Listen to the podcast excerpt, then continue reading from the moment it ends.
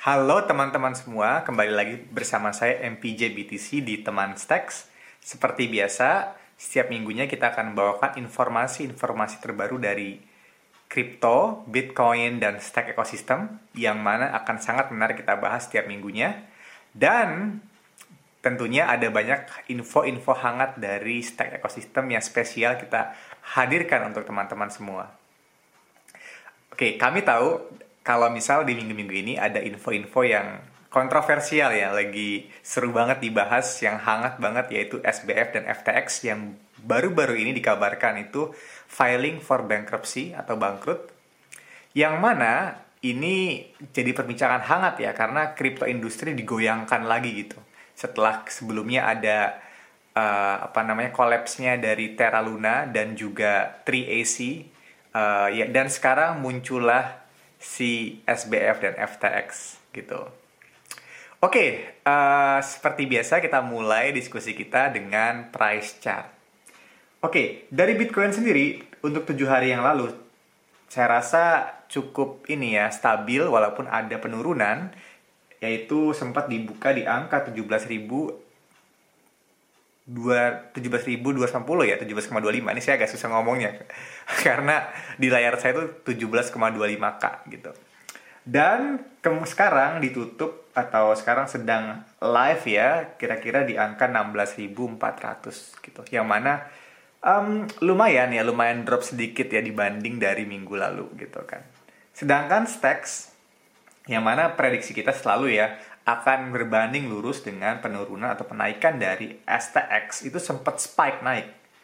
Tapi sekarang itu stabil di angka 0,24. Jadi minggu lalu 0,24, sekarang itu di 0,2355 sempat ada spike sampai 0,3 gitu teman-teman. Menarik ya. Dan uh, tentunya seperti biasa price chart ini hanya indikasi gitu kan kripto yang bisa kita lihat gitu kan. Menurut saya indikasinya adalah baik. Kenapa? Karena walaupun ada gejolak dari salah satu exchanges yang terbesar di Indonesia, eh bukan Indonesia, di dunia bahkan ya, FTX yang konon katanya pada puncaknya nomor 2 di dunia, sekarang itu walaupun dia kolaps, nggak beri, memberikan dampak yang begitu signifikan banget di dalam uh, harga-harga kripto. Jadi nggak begitu terrefleksi dalam harga-harga kripto yang kita lihat sekarang ini kayak gitu. Itu yang saya tangkap ya.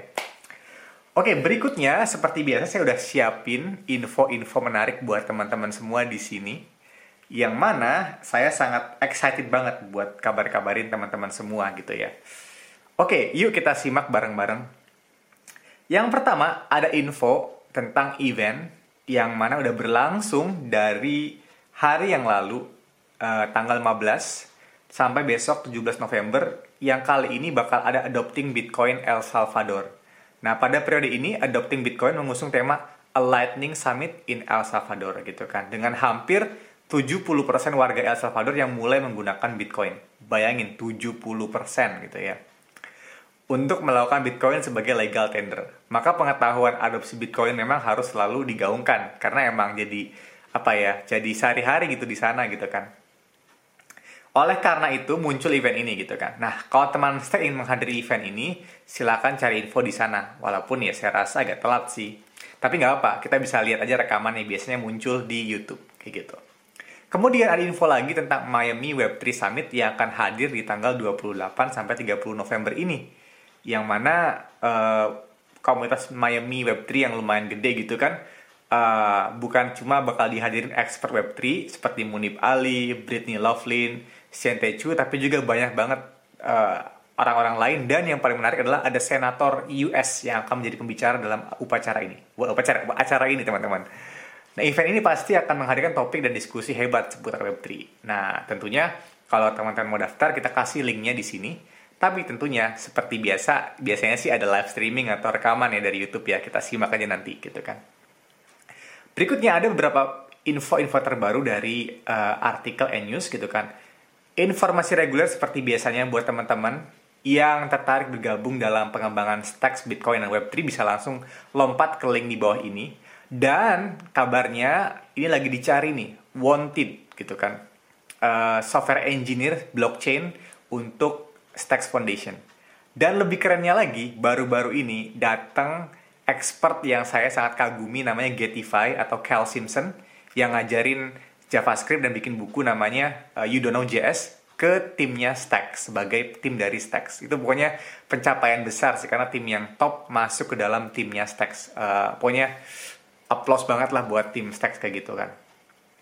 Nah, teman-teman yang buka link di dalam bio kita itu banyak banget informasi-informasi lowongan pekerjaan untuk kerja remote di Web3 gitu kan. Udah remote Web3 pengalaman untuk merubah dunia gitu kan. Yuk join aja langsung check it out aja guys gitu kan. Nah, buat teman-teman yang belum subscribe newsletter kita, jangan lupa subscribe juga, klik biar dapat info terbaru dari podcast-podcast yang kita kasih. Kita tiap minggunya rutin ngirimin podcast-podcast yang baru buat teman-teman semua gitu kan. Nah, buat para teman-teman Stacks yang belum subscribe newsletter Unleashing Bitcoin milik ekosistem Stacks, uh, atau teman Stacks bisa subscribe juga di sini. Jadi ini beda lagi, ada yang kedua namanya Unleashing Bitcoin. Nah, dapetin juga informasi-informasi terbaru dari ekosistem Stacks dan Bitcoin. Begitu juga kalau teman-teman dapat newsletter dari Stacks, di join juga dan newsletter baru lagi nih yang dapat info dari Gamma, NFT dan lain sebagainya di yang kita kasih link di bawah ini, gitu kan. Oke, berikutnya kita bahas satu artikel yang ada di blognya Stacks yaitu perbedaan antara yield farming dan staking. Jadi memang keduanya adalah sarana untuk cryptocurrency untuk mendapatkan passive income ya di cryptocurrency. Tapi kita harus mengenal dulu nih siapa mereka dan apa manfaatnya yang kita peroleh gitu kan. Agar pilihan investasi kita bisa tepat gitu. Jadi yield farming itu adalah minjamkan kripto yang kita punya kepada DeFi platform gitu ya. Uh, platform jual beli trading atau exchanges gitu kan. Setiap, setiap DeFi platform-platform itu tentunya menarik keuntungan baik untuk biaya operasional maupun untuk membayar fee kepada para investor yang menjadikan kriptonya untuk ditaruh di DeFi atau platform-platform tadi gitu kan. Sedangkan staking adalah mendedikasikan kripto yang kita miliki untuk membangun blockchain. Nah, investor yang mendedikasikan kripto ini akan mendapatkan bagi hasil dari kripto yang dia dedikasikan di blockchain yang, ter, yang, yang tersebut ya. Beberapa perbedaan antara yield farming dan staking adalah durasi. Dalam staking, kripto akan ditahan dalam beberapa periode waktu sehingga tidak bisa diakses. Sedangkan yield farming tidak membutuhkan periode waktu penahanan kripto sehingga bisa dibilang yield farming ini lebih liquid ya ketimbang staking. Tapi cuma liquid dalam hal nguncinya aja. Asetnya belum tentu liquid kayak gitu. Kedua dampak inflasi. Nah, dengan staking yang berpartisipasi dalam transaksi di blockchain, maka staking juga lebih bisa terkena dampak dari inflasi. Walaupun demikian, tidak menutup kemungkinan yield farming juga memberikan dampak yang sama. Jadi kurang lebih dapat sama ya inflasinya gitu kan. Biaya yield farming cenderung lebih memakan biaya investasi yang lebih ketimbang staking karena aset kripto yang kita berpindah-pindah gitu. Jadi masalahnya kalau misal yield farming itu dia harus pindah-pindahin aset ya. Jadi perlu ada gas fee tambahan juga gitu. Apalagi kalau misal pakai Ethereum misalnya. Kemudian masalah resiko dan keamanan. Yield farming ini jelas lebih berisiko karena sifatnya yang berpindah-pindah dan dia juga membutuhkan teknologi yang paling mutakhir untuk bertransaksi kayak gitu kan. Jadi perlu tahu gitu loh apa sih yang lagi hot gitu kan. Nah kemudian kerugian sama kehilangan gitu kan. Atau apa ya profit and loss gitu kan. Yield farming ini lebih memiliki resiko kerugian atau kehilangan yang besar karena perpindahan kripto yang kita belum tentu bisa kembali dengan cepat dan terlacak dengan cepat pula gitu kan. Sedangkan kalau staking itu dia pakai blockchainnya gitu kan. Tergantung dari blockchain apa yang kalian invest kayak gitu kan Kemudian keuntungannya, kali ini yield farming menjanjikan keuntungan yang lebih besar. Memang dengan sifatnya yang fluktuatif. Tapi biasanya kalau yield farming itu dia pakai emission sih. Jadi kayak ada inflasi dari krip, dari uh, apa namanya dari kripto yang dikasih gitu sih.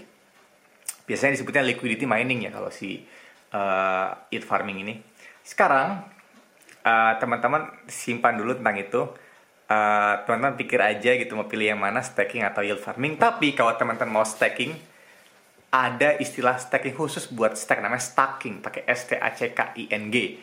Yang mana teman-teman bisa langsung staking di dua tempat yang menurut saya paling affordable dan paling mudah yaitu teman-teman bisa join. Yang pertama adalah bisa join uh, Binance yang punya Binance Earn atau bisa join aja X First Wallet dan ada tombolnya buat melakukan staking kayak gitu. Yuk sekarang pindah lagi ke, ke topik berikutnya yaitu tentang Milk Road Newsletter.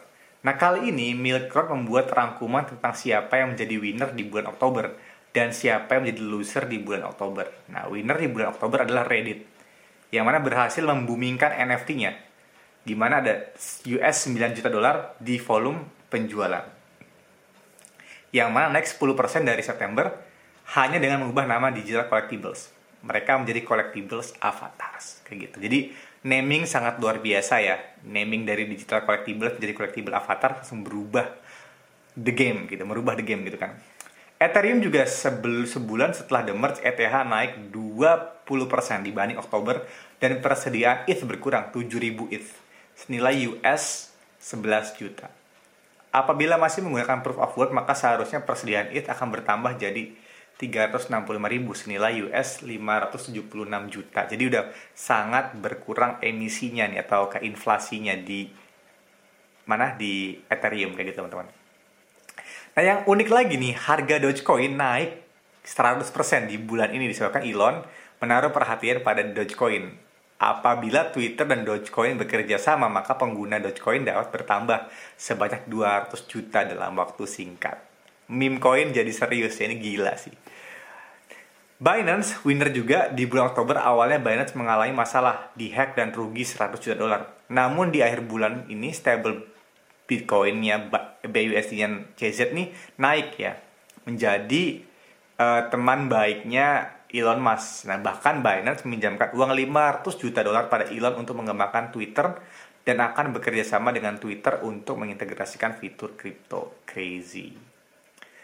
Nah, yang menjadi loser di bulan Oktober adalah protokol protokol DeFi yang terkena hack. Bahkan di bulan ini DeFi terkena hack sebesar 800 juta dolar crazy.